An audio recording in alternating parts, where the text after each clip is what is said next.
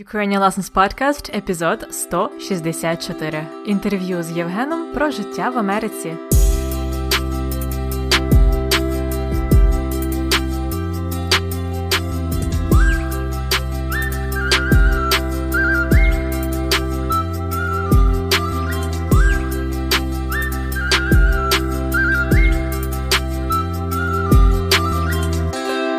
Привіт-привіт! Це Анна Огойко і подкаст Уроки української. Подкаст для всіх, хто вивчає і любить українську мову. Це епізод номер 164. І сьогодні в нас на подкасті знову буде інтерв'ю. На початку п'ятого сезону я вже проводила інтерв'ю з Іванкою. Вона розповідала про своє життя в умовах карантину і коронавірусу. А сьогодні я запросила на подкаст Євгена, мого друга з університету, який зараз живе в Сполучених Штатах Америки. Або, як ми кажемо, в Америці. Ну, якщо точно, Євген це таке більш офіційне ім'я, а скорочено, як друзі, ми називаємо його Женя. Так само, як е, я Анна офіційно, але мої друзі називають мене Аня або Гануся. До речі, Женя може бути хлопчик, це Євген, а може бути і дівчинка Женя, тоді це Євгенія. Ось таке цікаве ім'я. Минулого разу на подкасті я розповідала вам про своє життя у Швеції, і я трошки порівнювала його з життям в Україні. Сьогодні ми послухаємо думку іншого емігранта. Хоча, якщо чесно, е, нас важко назвати емігрантами. І я, і Женя жили в різних країнах, е, і не тому, що нам в Україні погано, а тому, що нам хочеться отримати якийсь новий досвід, попрацювати чи повчитися за кордоном. Ми любимо подорожувати і відкривати нові культури. Тому сьогодні Женя поділиться з вами, як йому живеться в Америці, і які відмінності він бачить між Штатами та Україною. А також послухаємо, чи планує він повертатися. Як і минулого разу, спочатку ви послухаєте інтерв'ю, а потім я проаналізую для вас 10 речень з нашої розмови. Добре? Готові? Слухайте!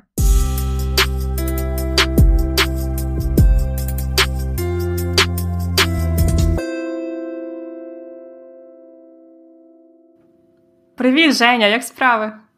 Привіт, Аню. Дуже добре, як у тебе? Чудово! Вітаю тебе на подкасті Уроки української. Дякую, що погодився записати зі мною невеличке інтерв'ю.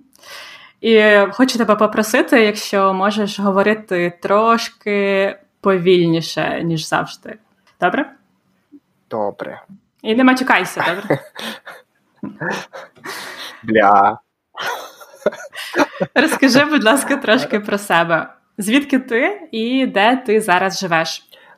Ем, Мене звати Женя, я з Дніпра, з України і живу в США, в штаті Юта, місто Солт Лейк Сіті. Я переїхав сюди майже два роки тому. Ну, можеш трошки швидше говорити.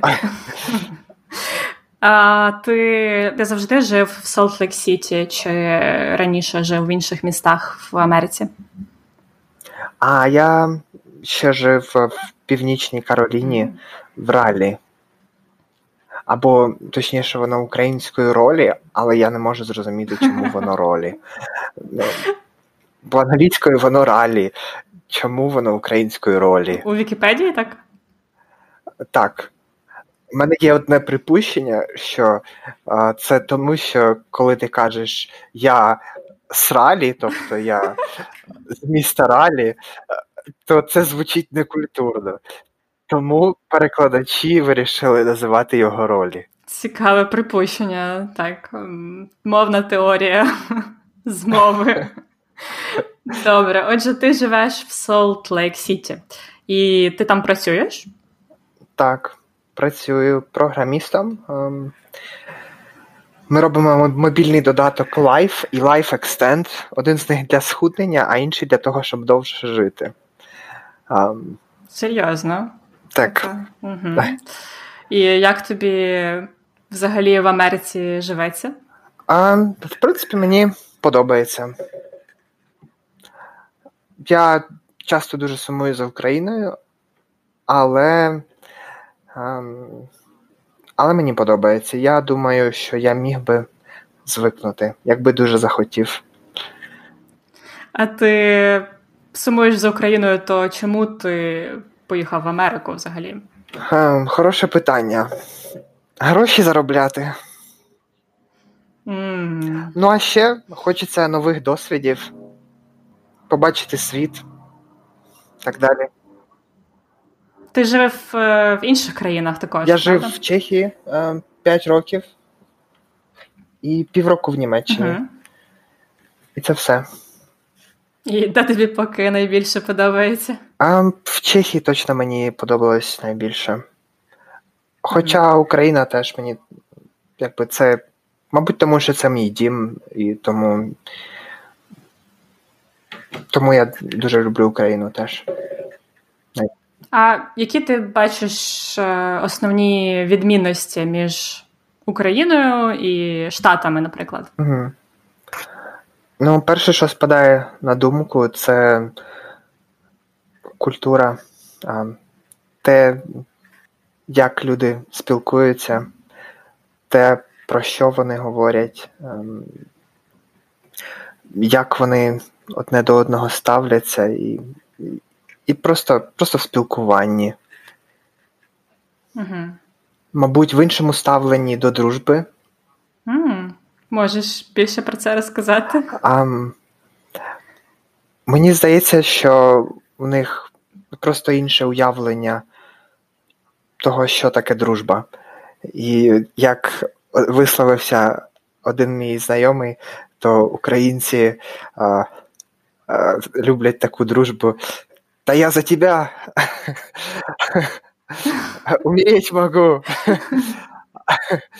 Ага. Звучить не дуже здорово. Така дружба до гробу. Дружба до гробу, так. А, а американці, мені здається, вони часто, в принципі, можуть прожити життя і, і наприклад, зосередитись на кар'єрі, uh-huh. і дружба їх не хвилює. Тобто не всім взагалі потрібні тут близькі стосунки.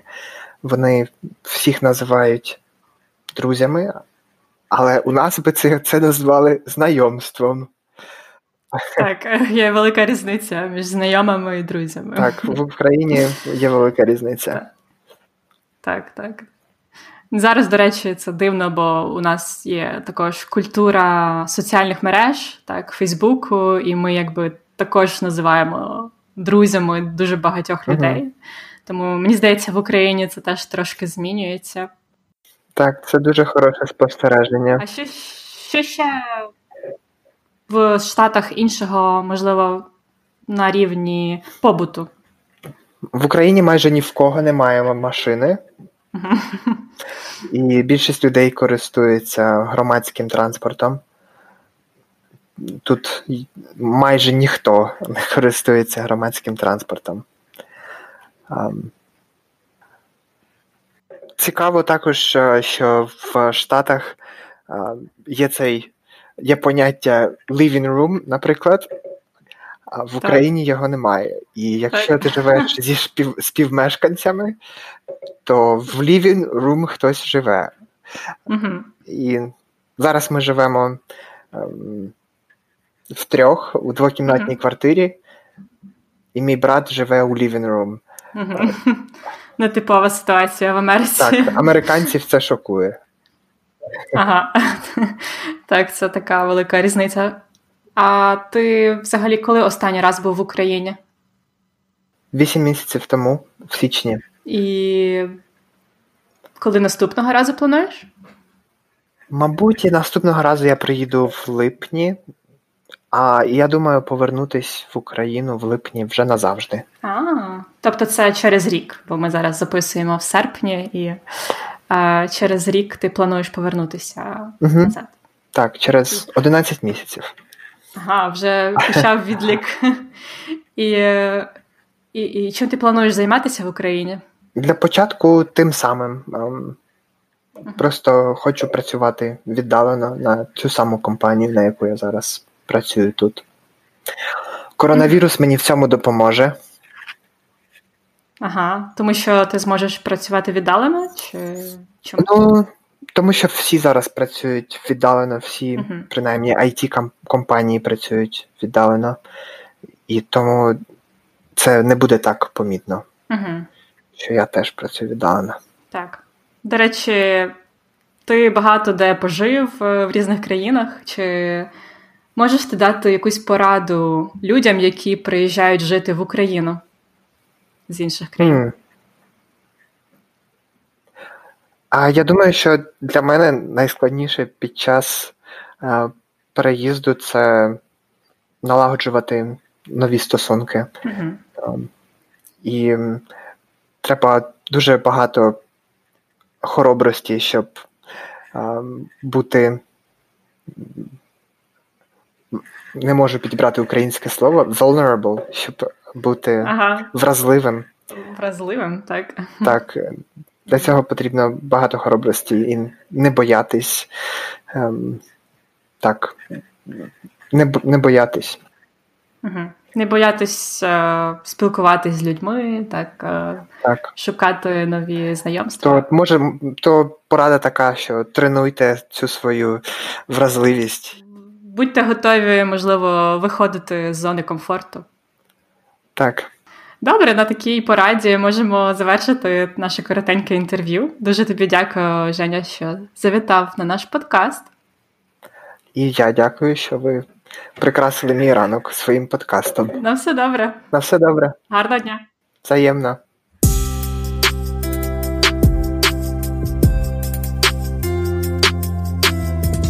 Ну як, сподобалось вам інтерв'ю?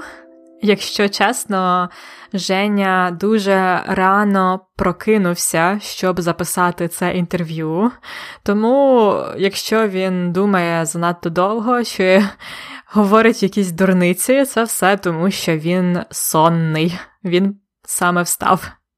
Насправді ця розмова була досить цікава для мене, як для людини, яка також живе за кордоном. І там було чимало корисних виразів та речень для вас. Речення перше. На початку я попросила Женю говорити повільно і не матюкатися. Я сказала: І не матюкайся, добре?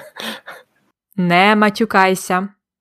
Матюкатися це говорити погані слова, матюки. Я попросила Женю не матюкатися, просто як жарт. Але він все одно це зробив. Також як жарт. Він матюкнувся, сказав погане слово матюк.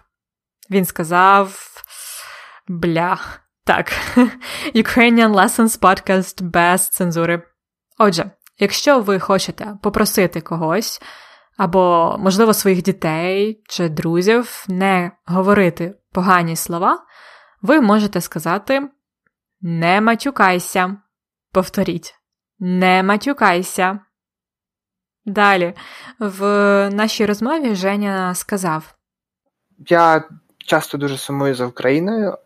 Я часто дуже сумую за Україною. Це, можливо, ви можете сказати, якщо ви давно не були в Україні і сумуєте за Україною, або за кимось чи чимось іншим. Сумувати за кимось або чимось, або скучати за кимось або чимось. Це коли ви часто думаєте про щось чи про когось, але ви далеко від них. Женя сказав: Я часто дуже сумую Можна також сказати Я дуже часто сумую. Знову ж таки, порядок слів в українській мові гнучкий. Повторіть ще раз. Я часто дуже сумую за Україною. Я часто дуже сумую за Україною. Далі наступне речення. Я думаю, що я міг би звикнути, якби дуже захотів. Я думаю, що я міг би звикнути, якби дуже захотів. Це гарний приклад умовного речення. Женя міг би звикнути. Це умовний спосіб. Міг би. Це дієслово в минулому часі міг і би. Умовне дієслово міг би. Женя міг би звикнути, якби дуже захотів. Для умовних речень ми використовуємо якби і минулий час. Наприклад, якби я дуже захотіла переїхати назад в Україну, я могла б це зробити. А зараз повторіть ще раз речення Жені. Я думаю, що я міг би звикнути, якби дуже захотів. Я думаю, що я міг би звикнути, якби дуже захотів.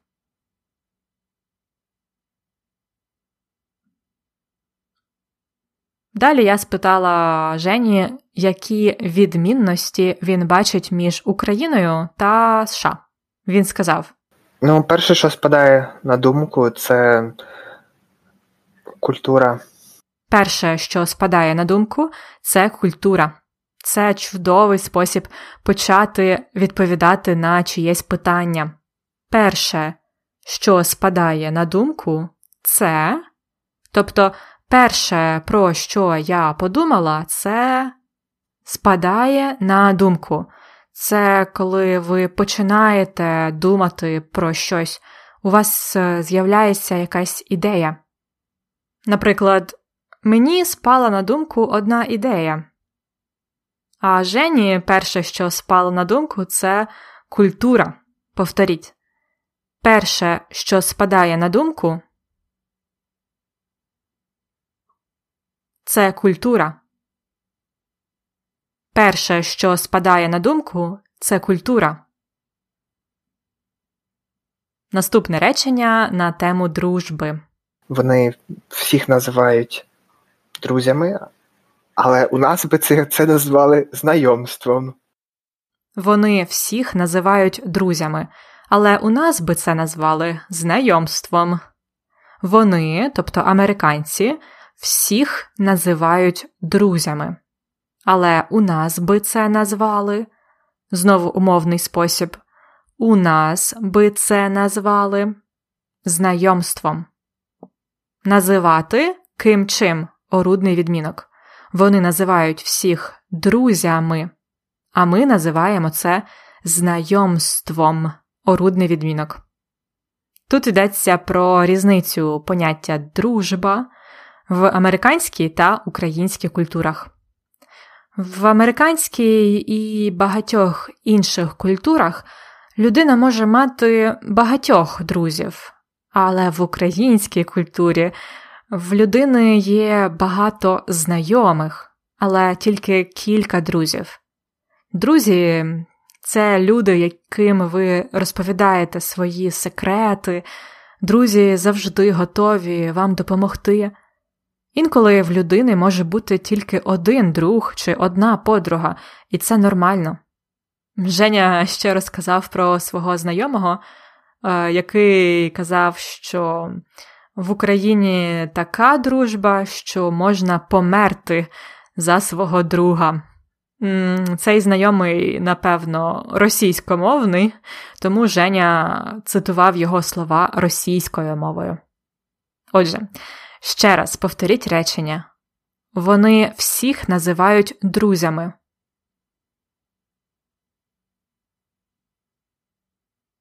Але у нас би це назвали знайомством.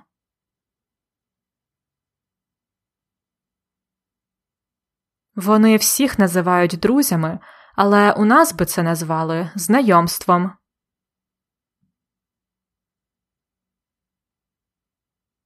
Я також порівняла цю ситуацію з тим, що в соцмережах у людини може бути сотні друзів, і Женя на це відповів. Так, це дуже хороше спостереження. Так, це дуже хороше спостереження. Це хороший вираз, якщо ви з кимось говорите і хочете показати, що ви згодні, ви погоджуєтесь з думкою цієї людини. Так, це дуже хороше спостереження. Тобто це цікава ідея, це добре підмічено. Повторіть за мною. Так, це дуже хороше спостереження. Далі Женя розповідав про те, що в Америці люди не живуть, тобто не сплять в living room, у вітальні. Тобто, коли люди разом знімають квартиру, він сказав: Зараз ми живемо ем, в трьох у двокімнатній mm-hmm. квартирі. Зараз ми живемо в трьох у двокімнатній квартирі. Зараз ми живемо в трьох, тобто Женя живе в квартирі з двома іншими людьми. Вони разом знімають квартиру, вони співмешканці, але вони живуть в трьох у двокімнатній квартирі. В трьох це від слова три. Їх троє. Вони живуть в трьох, жити в трьох. Далі від два буде вдвох. Від чотири в чотирьох, п'ять, в п'ятьох і так далі. Зараз вони живуть в трьох у двокімнатній квартирі. Тут ще одна відмінність в культурах е, і в мовах. Англійською двокімнатна квартира це квартира з двома спальнями. Так? Тобто є дві спальні і також є вітальня, окрема кімната. А в Україні двокімнатна квартира це квартира з двома кімнатами, крім кухні. Зазвичай це вітальня або зал і спальня дві кімнати. І тому, якщо українці знімають квартиру разом з іншими людьми, зі співмешканцями, то вітальню ми також використовуємо як ще одну спальню. Ось така ситуація. Повторіть. І зараз ми живемо в трьох у двокімнатній квартирі. І зараз ми живемо в трьох у двокімнатній квартирі. Наступне речення про реакцію американців на цю ситуацію. Американців це шокує. Американців це шокує. Американців кого чого, родовий відмінок, це шокує. Тут підмет це присудок шокує, а американців це додаток, тобто об'єкт. Можна було також сказати, це шокує американців. Але Женя сказав, американців це шокує. Це непрямий порядок слів, який ми дуже любимо в українській мові. Повторіть ще раз: американців це шокує. Далі ми говорили про життя за кордоном і про те, що важливо соціалізуватись, знайомитись е, з людьми в новій країні. Женя сказав: для цього потрібно багато хоробрості і не боятись. Для цього потрібно багато хоробрості і не боятись. Для цього потрібно багато хоробрості. Хоробрість це відсутність страху, це сміливість, коли людина не боїться, хоробрість. Отже, щоб жити за кордоном, потрібно багато хоробрості і потрібно не боятись. Повторіть, для цього потрібно багато хоробрості. І не боятись. Для цього потрібно багато хоробрості і не боятись. Наприкінці я подякувала Жені, що він завітав на подкаст, а він відповів: І я дякую, що ви прикрасили мій ранок своїм подкастом. І я дякую, що ви прикрасили мій ранок своїм подкастом. І я дякую, я також вам дякую, що ви прикрасили мій ранок своїм подкастом. Тут Женя вживає дієслово прикрасити у переносному значенні, прикрасити щось чимось. Він дякує за те, що його ранок став е, кращим, став цікавішим, можливо, завдяки подкасту. Ми прикрасили його ранок подкастом. Це чудовий спосіб комусь подякувати. Наприклад, е, ви можете написати комусь: Ви прикрасили мій день своїм повідомленням. Повторіть. І я дякую, що ви прикрасили мій ранок своїм подкастом. І я дякую, що ви прикрасили мій ранок своїм подкастом.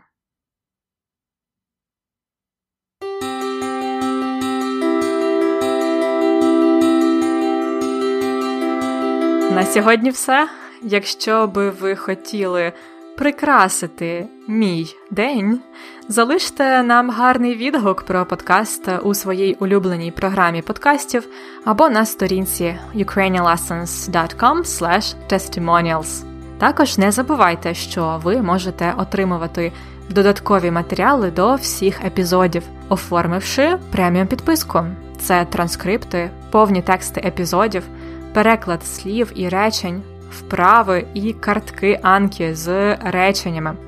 Більше про преміум дізнавайтеся на сторінці епізоду ukrainianlessons.com риска епізод 164 ukrainianlessons.com episode 164 Бажаю вам гарного дня чи вечора і гарного настрою. На все добре!